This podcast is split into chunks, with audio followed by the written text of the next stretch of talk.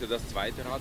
Wir zijn in eh, Weimar. Alexander, eh, Weimar ist eh, die Stadt von Goethe, Schiller, Her- Herder und so weiter.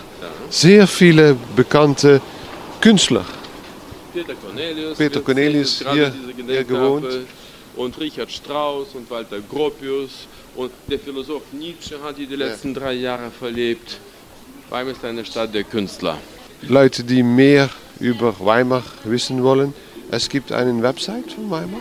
Auf jeden Fall. Ja, aber diesbezüglich äh, sollten Sie sich an Frau Kühne äh, von diesem Kongresszentrum Weimarhalle äh, wenden und sie wird Ihnen ausführliche Informationen diesbezüglich geben. Want Alexander is onze gids en eh, die brengt eh, zeer veel toeristen dagelijks, eh, wijst hen de weg door Weimar. Ja, vielen Dank.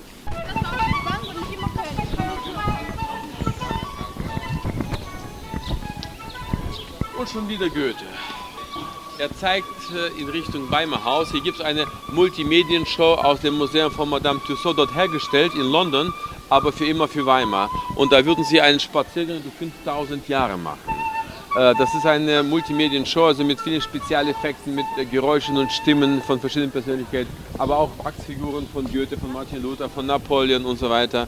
Äh, Das läuft in vier Sprachen, Deutsch, Englisch, Japanisch oder Französisch. Und es gibt keine festen Zeiten, Sie gehen da rein, Sie lassen es für Sie laufen. Also, und die meisten Besucher sind natürlich sehr begeistert. Das ist eine schöne Einführung oder Ergänzung zu einer Stadtführung in Weimar für klein oder groß. Also wie gesagt, also bei den meisten kommt ja auch sehr gut an.